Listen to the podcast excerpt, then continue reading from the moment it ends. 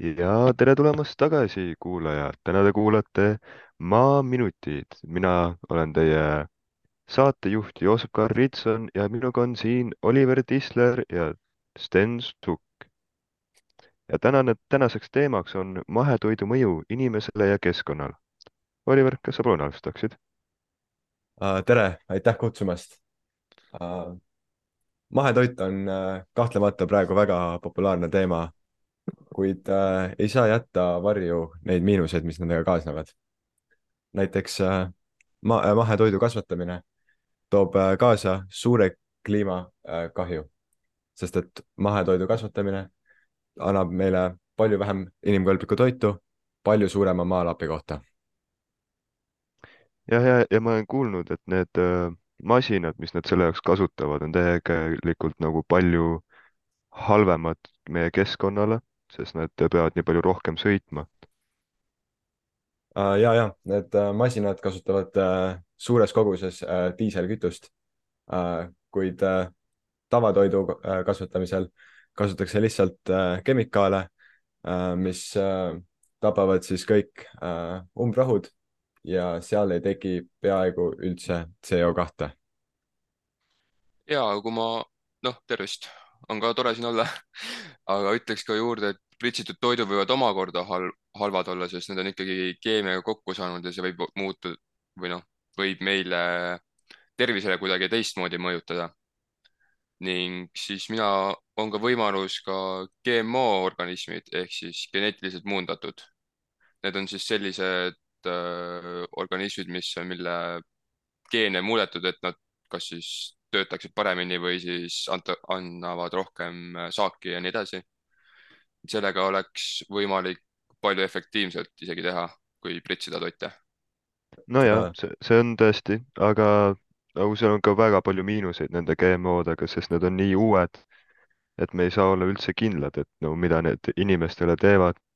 ja nad on loomade peal neid katseid juba teinud ja loomadele need tegelikult ei mõjunud üldse hästi no seda küll, aga see on juba ikka väga pikalt, mingi, ma ei tea, kolmkümmend aastat, kui on seda nagu juba päris jõuliselt tehtud.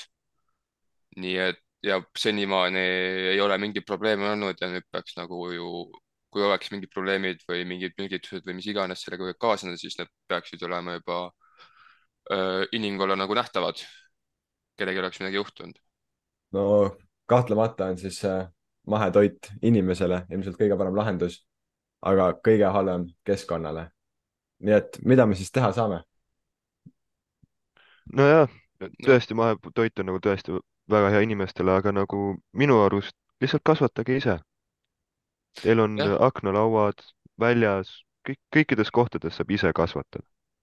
jah, saab, korterites saab ju rõdude peale mingid, kasvõi mingid klaasid ümber panna, et seda linnas nagu, et kasvatadagi mingi endal mingeid taimi või Äh, ma ei tea, peterselli, mis iganes, äh, lihtsalt annab kasutada. Ja mm. maakodudes on, saab kindlasti leiab mingi maalappi, saab natuke mingi mulda ja saab kartuli ja porgandi, mis iganes maha panna. ja see on äh, väga hea mõte ja tänapäeva uuemates korterites on isegi korterihoovis siuksed väiksemad taimekastid, kus inimesed kasvatavad ja porgandeid, porgandeid, herneid, maasikaid ei ole üldse raske ise kasvatada aga ütleme, et sul tõesti ei ole võimalik kasvatada ise, ütleme, et sa elad kesklinnas näiteks ja äh, tolmu tuleb aknast nii palju, et sa tõesti ise ei soovi neid kasvatada akna all, mis sa siis teha saaksid? no muidugi alati on turult ostmine selles suhtes, et ja et sa ei ole, sa ei saa küll sada protsenti kindel olla, et see on Eestist, aga see on ikkagist parem kui mingist suurest poest osta.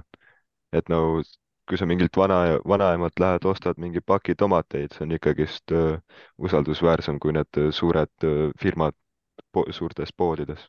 Ja turul peab ka kindlasti silma peal hoidma, sest palju, noh, omast kogemusest räägite, rääkida, siis uh, kui mingeid maasikaid näiteks osta, siis sealt on, turult on ka võimalik saada mingeid Poola maasikaid, mis on tegelikult värsked ja head, aga lihtsalt ei ole Eesti omad, et neid mm. peaks sellelt müüjalt kindlasti küsima, et osta õigeid asju. ja nagu ma aru saan, on see nii tähtis, et see on Eesti oma, sest et äh, transpordi äh,, transpordiga ei kuluta siis äh, maakera ressursse, jah? jah, yeah.. kunagi ei tea ju, kuidas see transporditud on, kas mingi laeva peal, lennukis või kuskil rekka peal. selge. ja no muidugi on veel see ka, et tegelikult äh, see mahetoidu tootmine, no suurel nagu suurusel nagu suur, kui me ainult mahetoitu teeksime, siis, siis see oleks nagu väga halb. Aga nagu kui niisugusel väikesel, väikesed põllud, inimesed ise kasvatavad, siis minu arust tegelikult see ei oleks üldse nii halb. ja sest, et ma olen ka kuulnud, et äh, päris palju juhtub mahetoiduga niimoodi, et seda kasvatatakse niisuguses suures koguses, sellel läheb hästi palju ressursse selle kasvatamisele. see jõuab siis lõpuks sinna mahetoidupoodidesse ja inimesed ei osta neid kõiki ära, sellepärast et see maksab nii palju. ja siis mida nad teevad, nad ei taha seda toitu ra- raisku lasta, nii et nad lihtsalt saadavad selle tavalistele poekettidele ja tavalised poeketid müüvad selle tavatoidu nime all. ja see tundub nagu kõige halvem juhus. ja selles suhtes minu arust nad lihtsalt äh, praegu ongi selle mahetoidu nagu ületootmine. et, et see, see ongi nagu see, et see ei ole nagu väikesel, väikestes kogustes, see pole üldse nii halb, sest me ju, meie esi, esi, esi, esiisad nagu tegid, kasvatasid mahetoitu. aga see oligi see, et siis oli see nii palju väiksemal suurusel. jah, jah, seda mahetoitu saab ju, ei pea ju, minu arust nüüd ka tänapäeval on rohkem hakatud ka mingit naturaalselt äh, seda väetist kasutama, näiteks mingeid äh, lehma väljaheiteid või kana omi ja siis see ka on parem kui lihtsalt keemiat Yeah.